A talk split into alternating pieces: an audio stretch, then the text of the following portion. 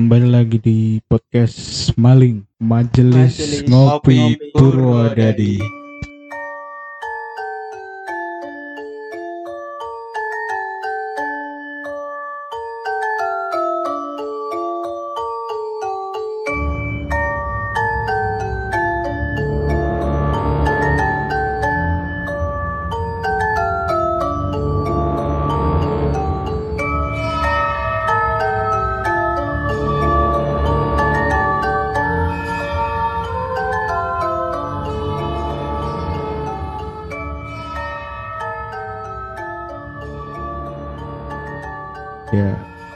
Kita kembali lagi dengan episode terbaru dan dari segmen terbaru dari kita.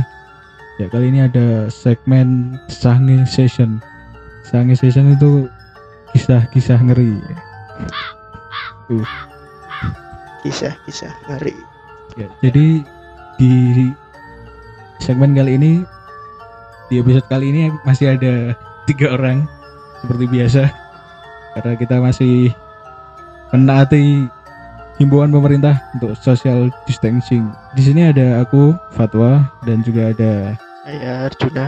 dan saya sendiri Angga ya kali ini di episode pertama Sangi Session kita akan cerita-cerita kisah yang mungkin pernah dialami oleh kita teman-teman majelis ngopi punya paranormal experience atau dan sejenisnya lah mungkin selanjutnya nanti dari teman-teman yang dengerin podcast ini bisa kirim bisa kasih kita kirim cerita kalian punya pengalaman apa yang agak-agak ngeri bisa dikirim ke emailnya Majelis Ngopi. Dicek aja di Instagramnya Majelis Ngopi underscore Purwodadi ya mungkin langsung aja kita akan ke sesi bincang-bincang kisah ke sesi cerita kita pertama kita ke Mas Juna dulu punya cerita apa nih?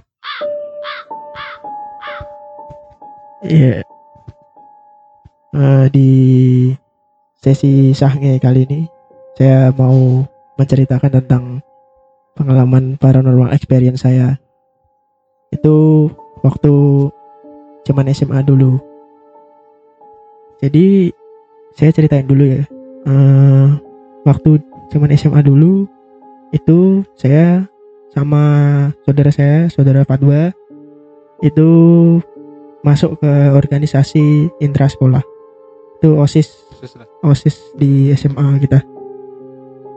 Jadi eh, organisasi kita OSIS itu punya beberapa event. Salah satunya itu event Idul Adha.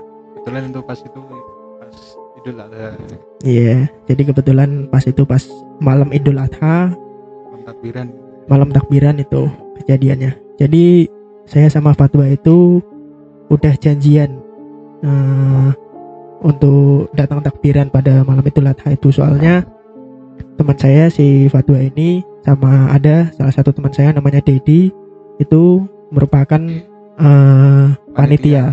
Panitia. Intilah dari event Idul Adha itu.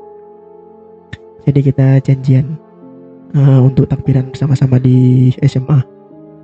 Jadi kejadiannya itu bermula awalnya kita kan datang ke SMA itu janjian setelah sholat isya. Jadi kan kita nyiapin buat apa sholat id besok ya buat sholat id besoknya kita siapin tempatnya dan kita sholatnya itu di lapangan ya di lapangan kan buat siap-siap kita malamnya datang sekaligus buat takbiran juga terus habis itu kita pokoknya siap-siapin lah semuanya buat takbiran. Jadi awalnya itu saya sama teman-teman kan di lapangan kan udah gelar-gelar tikar. Itu sudah kita pokoknya takbiran setelah habis isya itu takbiran terus gitu. Tanpa berhenti paling berhenti cuma minum atau makan lah snack-snack gitu. Habis itu kita sama-sama capek kan habis takbiran. Itu sekitar jam 10 ke atas. Kalau nggak salah kalau saya ingat-ingat itu jam 12 lah kejadiannya. Jadi eh, saya ceritain itu ada hubungannya sebenarnya sama kejadian di SMA saya itu. Dulu waktu kapan itu emang Pak Kepala Kebun yang udah lama kerja di SMA kita itu selalu cerita gitu. Eh, kalau emang eh, kita ini sebenarnya ada banyak penunggu-penunggunya gitu. Jadi emang ada sangkut pautnya lah sama SMA kita ini. Jadi itu eh, sangkut pautnya sama SMA kita. Terus ceritanya gimana? Namanya. nah itu awal mulanya awal mulanya kan kita setelah takbiran jam 12 itu kita udah sama-sama capek lah kita semua capek takbiran. Entah itu takbiran sambil main rebana main beduk gitulah. Seru pokoknya. Setelah jam 12 malam kita capek dan ngantuk. Hmm, akhirnya saya Fatwa dan Didi itu memutuskan buat udah yuk kita udahan aja takbirannya istirahat dulu sebentar Besok kan juga masih ada iya. kegiatan. besok kan juga masih ada kegiatan gitu kan. Jadi akhirnya kita memutuskan buat istirahat tapi nggak langsung tidur. Jadi Kita bosen lah, hmm, istilahnya bosen. gitu. istilahnya bosen capek lah gitu. Akhirnya kita udah yuk kita main anu aja main keplek gitu kan. Keplek itu istilahnya main kartu lah. Di Purwodadi itu panggilannya keplek kartu remi itu loh. Nah itu. Jadi kita memutuskan buat main kartu remi ayo main kartu remi yuk. Tapi kartunya nggak ada nih. Siapa yang punya kartunya gitu? Kita saling tanya kan. Terus mana nih yang punya kartu? gitu. Waduh nggak ada nih kartunya. Oh iya aku. Terus si Dedi jawab kan oh iya aku kita kelas kita ada kartu gitu kan. Jadi Fatwa sama si Dedi itu dulu sekelas zaman SMA kelas kelasnya itu IPA 4 kelas IPA 4 nah jadi sebelumnya ya sebelum cerita tentang paranormal experience-nya itu mungkin saudara Fatwa bisa menjelaskan tentang posisi kelasnya dulu di SMA itu gimana Bung Oh iya. Jadi mungkin gambarannya itu eh, kelas kita itu ada di kita kelas kita tuh menghadap ke lapangan lapangan yang buat kita itu takbiran tadi. Ya, dari situ kan Juna sama Dedi yang mau ngambil. Terus gimana ceritanya? Nah itu tadi posisi kelasnya mereka kan nih 4 Jadi habis itu udah yuk kita ambil kartunya Dad gitu. Ayo Jun ayo. Terus bawa nunggu di speaker Nunggu di speaker dengan Soalnya nggak ada yang jagain Kayak speaker, rebana, makanan-makanan gitu nggak ada yang jagain. Jadi saya sama Dedi putusin buat ke kelas ngambil kartunya. Nah itu posisi sudah jam 12 malam Itu kelas sudah tertutup semua Lampu sudah mati. Jadi habis itu eh, kelas itu kita buka kan kita buka dulu. Soalnya nggak dikunci emang kelas. Kalau kelasnya sama gitu nggak pernah dikunci sama Pak Kebun. Soalnya kalau siapa tahu kadang-kadang ada siswa yang tertinggal barangnya gitu bisa langsung ngambil tanpa ribet-ribet minta kunci ke Pak Kebun. Jadi kita langsung- gerbang depan. Iya yang dikunci biasanya cuma gerbang depan aja jadinya kita langsung masuk ke kelas itu tanpa nyalain lampu. Soalnya saya sama Dedi itu udah kayak dapat penyinaran dari luar kelas gitu loh. Penyinaran penyinaran penyinaran penyinaran yang dari Ya, lampu di luar. ya lampu-lampu dari Di kelas lain. itu. lampu dari teras. Tuh terus saya sama Dedi ngambil dong kartunya. Posisinya itu- posisi kartunya itu kan di meja belakang. Meja paling belakang di kelas itu soalnya habis dibuat main kan biasanya kalau SMA kita tuh main kartu kan di belakang kelas kan. Soalnya biar nggak ketahuan guru BK gitu. Jadi mainnya di belakang kelas. Nah posisi kartunya itu di kolong meja meja paling belakang kelas. Nah akhirnya aku sama Dedi ngambil tuh ke dalam. Nah di sini puncak-puncak eh, paranormal experience-nya kita itu terjadi. Jadi pas kita jalan masuk ke dalam tanpa nyalain lampu, terus langsung kita ngambil kartunya itu, tiba-tiba terdengar suara perempuan nangis tuh. Hmm, gitu. Jadi lumayan lama lah suaranya itu bisa satu menit dua menitan. Jadi aku sama Dedi tuh sama-sama kaget soalnya kita berdua tuh denger nggak nggak cuma aku atau Dedi aja yang dengerin. Jadi kita semua tuh denger. Makanya kita sama-sama kaget. Terus sekitar jam berapa, Jun? itu tadi sekitar jam 12-an kan udah tengah malam itu. Aku inget banget itu buka HP aku soalnya sebelum ke kelas itu. Nah habis itu langsung Dedi nanyain ke aku tuh kita sama-sama kaget kan. Wih Jun apa kuwi Jun? Gitu kan. Terus aku jawab eh mbah Det kok kayak ono suara nangis gitu apa kuwi? Apa kuwi? Ya habis aku sama Dedi tuh sama-sama kaget kan. Habis itu Dedi spontan lah manggil Pak No Pak No Pak Pak kebun gitu. Kan namanya Pak kepala kebun eh Pak eh, kebun kita itu Pak No kan nah jadi Dedi manggil-manggil Pak No Pak No tapi nggak ada suara sama sekali yang nyaut. Habis itu kaget lah aku sama Dedi posisi udah ngambil kartunya kita langsung keluar tutup pintu. Gitu deh kejadiannya. Jadi kayak ada suara "Hmm," gitu. Jadi itulah salah satu paranormal experience saya yang nggak akan saya lupain soalnya eh, merupakan satu-satunya kalau dibilang di hidup saya tuh pernah mengalami paranormal experience ya semoga aja ke depannya nggak ada lagi lah. Itu aja. Iya, amin. Amin Gimana ya? gitu aja mungkin. Cukup. lanjut ke Bung. Fatwa. itu cerita dari Arjun tadi yang juga bareng saya waktu itu ya. Meng- mengalaminya tapi saya waktu itu nggak dengar langsung soalnya iya. posisi di lapangan. Ya mungkin agak merinding lah pas waktu itu juga padahal mungkin- itu kan momen-momen takbiran kan. Oh malah ada pengalaman horor kayak gitu.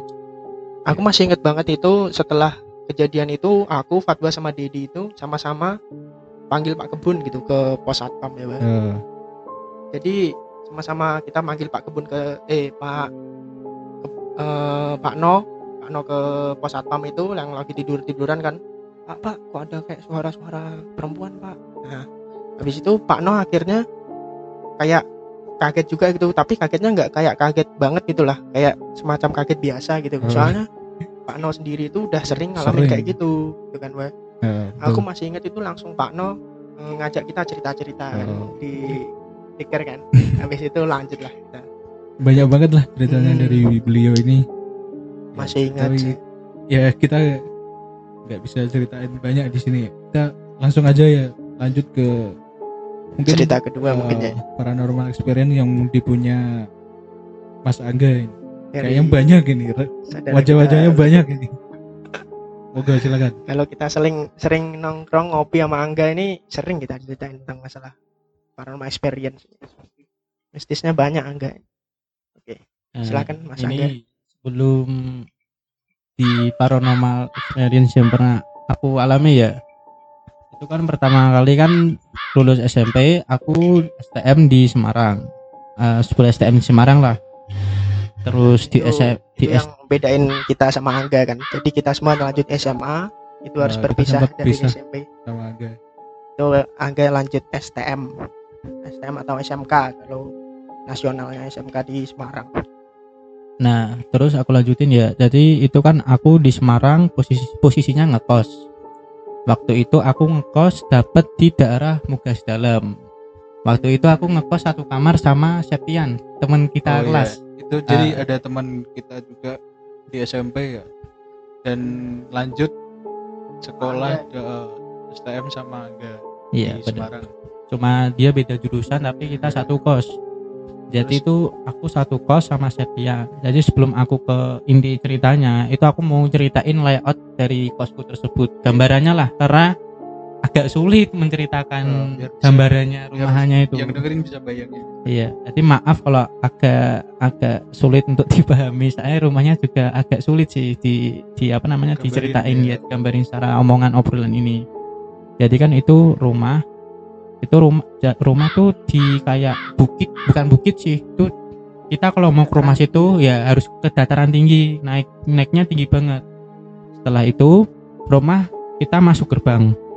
Itu rumah kos eh, kosku itu gabung dengan sama rumah pak kos. Nggak terlalu besar tapi cukup lah untuk kos kosan sama rumahnya pak kos. Ada ada gerbang nah, di dalam gerbang itu ada untuk tempat motor motor sama mobil mobilnya pak kos. Parkiran gitulah ya. Iya parkiran. Itu bareng-bareng. Mm, itu itu pun juga luasnya nggak terlalu luas banget lah. Nggak terlalu luas. Nah situ kan ada dua pintu. Satu pintu untuk ke rumah pak kos satu pintunya ke untuk anak kos kosan tapi gabung itunya rumahnya gabung.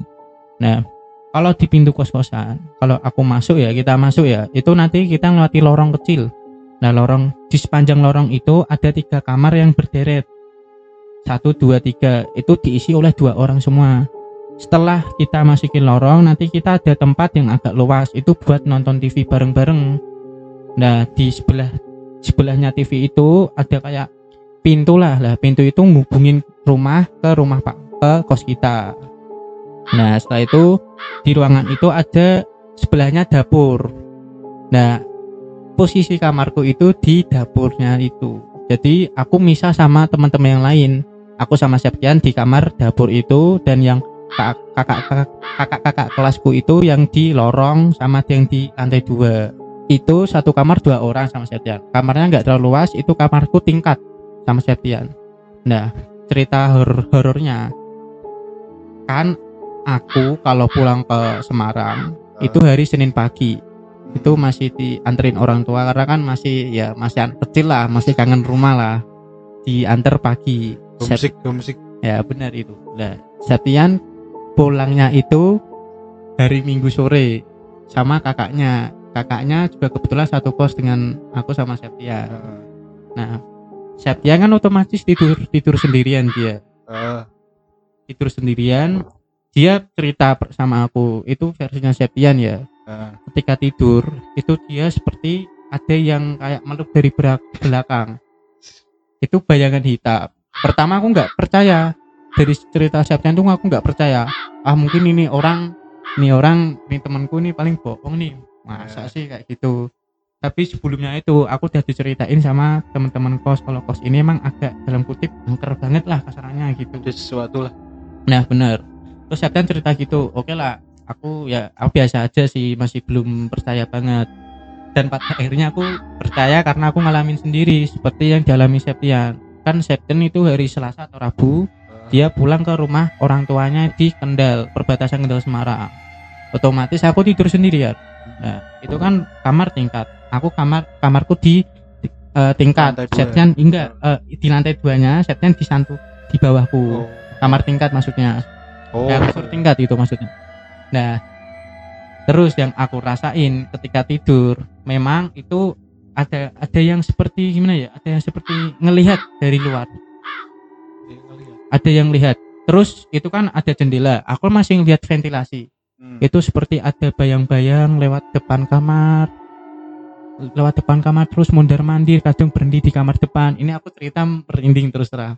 Dan aku pun aku juga ya ini apa ini? Aku langsung baca yang bisa aku baca lah al-fatihah apalah itu. Setelah itu aku merem-meremin dan akhirnya bisa nggak nggak bisa tidur pun itu. Terus ada yang seperti meluk dari belakang ya bayangan hitam seperti yang dirasain Septian. Nah dari situ aku udah mulai mulai mulai menggigil lah kasarnya udah udah keringet dingin lah. Orang masih umur habis SMP dikasih kayak kayak itu kan juga takut lah. Apalagi yang kayak ada orang nunggu di depan gitu diem gitu tapi pas tak lihat lagi kok nggak ada Nah, aku kira bukos karena bukos kan biasanya kalau malam-malam dia ke dapur Hmm. minum atau apa aku nggak tahu. Tapi kok nggak sama sekali itu nggak ada bukos itu pengalaman pertama. Yang kedua itu aku sama Septian yang di yang di apa namanya dikerjain sama yang di rumah itu. Jadi dulu kan eh, lima hari sekolah kan sampai Oh. sore. Lah Septian itu kalau belajar jam 3 dini harian jam 2 lah jam 2 sampai jam 4 sampai subuh nah waktu itu ada ruang belajar. Ruang belajar itu di setelahnya eh, tempat TV itu. Jadi tempat TV setelah itu ada ruang belajar ada kamar mandi. Nah yang kalau paling angker itu ya di ruang belajar sama kamar mandi. Kalau jam 9 ke atas pada nggak berani di sana. Kalau orang baru ya itu mesti ngerasain merinding. Itu mesti. Tapi kalau udah berapa bulan udah nyaman udah santai lah. Kan udah adaptasi. Di situ Septian jam 3 lah ya kemungkinan. Aku juga lupa karena kan aku pas itu juga bangun mau lihat Madrid Real Madrid sama PSG masih ingat aku itu jam sekitar jam 3 jam 2 mungkin ya. Septian belajar aku lihat TV itu dalam keadaan mat- lampu mati tapi Septian lampu agak dicerahin agak di apa namanya dihidupin lah. Hmm. aku lihat Real Madrid. Nah otomatis kan pandanganku bisa ke pintu depan pintu luar itu kan pintu luar buat anak kos aku lihat situ kosong nggak ada apa-apa cuma ada suara kipas angin yang diputer-puter doang. Oh iya aku agak lupa. Di halaman itu ada kamar ka- kamar kakak kelas. Namanya siapa aku agak lupa. Seandainya namanya Rifki. Itu ada itu bener itu dia lebih dua tahun di atasku. Itu ada kamar di sana. Nah aku nonton nonton bola Septian belajar. Nah, setelah itu nggak ada beberapa menit ada suara yang keluar dari daerah lorong tiga kamar tersebut sampai ke pintu. Suaranya itu kayak rek rek rek gitu. Itu pertama yang aku logikanya Oh, di pikiranmu gitu. mm, di pikiranku tuh bukan hantu. Di pikiranku itu kipas angin mungkin ke, ke dia kan diputer. Heeh. kalau ketetep ke, ta- ke tatap tembok kan dia kan kayak bunyi krek gitu. Itu logikanya. Aku logika aku masih main logika tapi Septian udah agak ketakutan. Septian tanya enggak itu suara apa? Itu suara apa kalau Indonesia gitu? Alah rak popo yan? Paling kipas angin keteken bilang gitu sama Septian. Wis nggak apa-apa. Itu itu kan udah ada suara itu. Terus kedua setelah berapa menit lagi lah menjelang berapa menit ada suara itu lagi. Suara lagi krek krek sama persis suara pertama. Terus Septian takut Septian ngiranya yang Mas Rifki di luar itu pengen masuk ke kos karena pengen kencing. Tapi aku jawab gak mungkin ya kalau Mas Rifki nggak punya kunci cadangan untuk masuk ke kos mesti dia punya. No, aku udah main logika nggak mungkin lah dia nggak kasih kunci cadangan kan. Terus aku logik logikanya itu tikus karena kadang aku juga lihat tikus. Aku masih main logika itu udah dua kali denger. Dalam waktu cuma berapa menit doang. Nah terus berapa menit kemudian lagi aku sama Septian denger lagi suara itu persis kayak suara satu sama suara dua.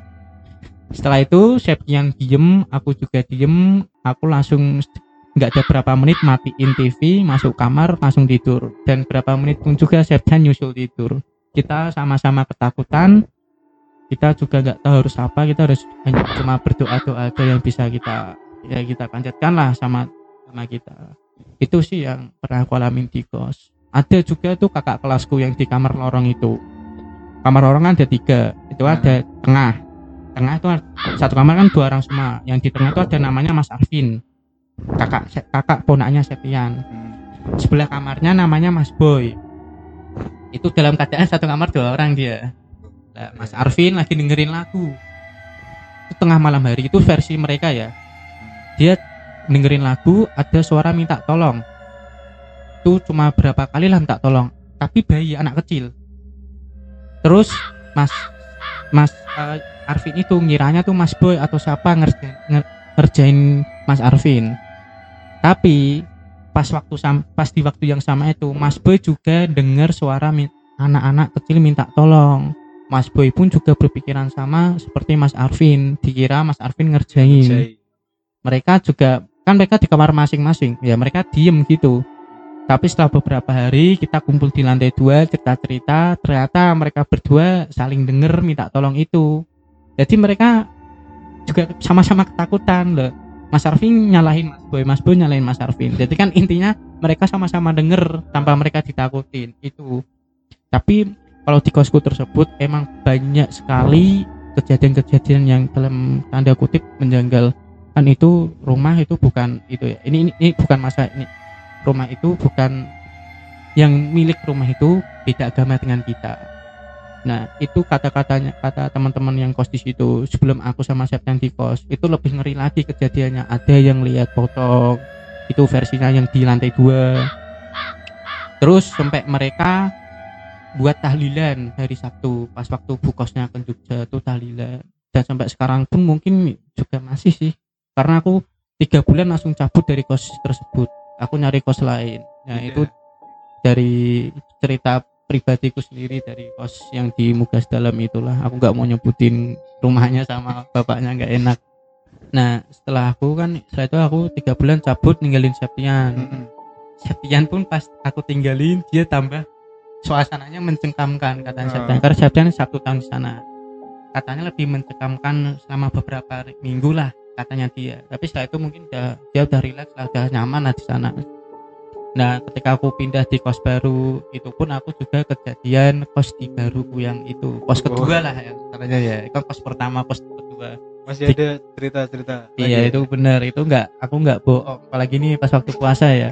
Di kos kedua itu aku tinggal di kamar atas itu pun sendiri. Nggak ada orang pun di lantai dua. Lantai dua itu hanya aku sendiri kamarnya luas banget ada kamar mandi dan ada balkon. Itu pun aku sendiri.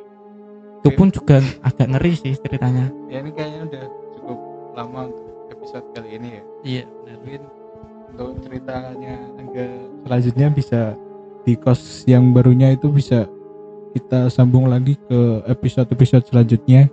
Mungkin dari teman-teman yang mendengarin ini juga punya cerita atau pengalaman yang berbau-bau mistis atau paranormal experience seperti itu bisa dikirim ke kita bisa dikirim ke Instagramnya Majelis Ngopi nanti.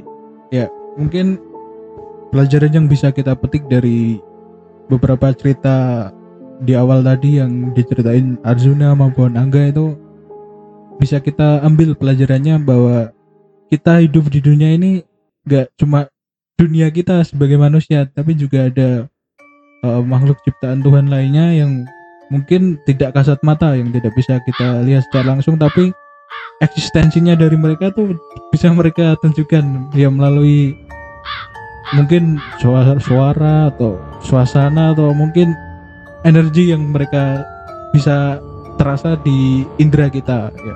Mungkin itu pelajarannya jadi kita tetap saling menghargai dan buat kalian yang dengerin podcast ini yang punya cerita, punya eh, kisah-kisah pengalaman paranormal experience yang bisa dibagikan ke kita, bisa dikirim ke emailnya Majelis Ngopi Prodadi. atau bisa DM melalui Ah, DM kita DM dulu. Instagramnya majelis ngopi underscore PWD ya. Ya, ya mungkin sekian dulu episode Sange. Sange Set Sange session. ini. Ini ya. kita jumpa lagi di episode selanjutnya bersama saya Fatwa saya Arjuna. Saya Angga. Maling Mania. Pat mantap. mantap patnom patnom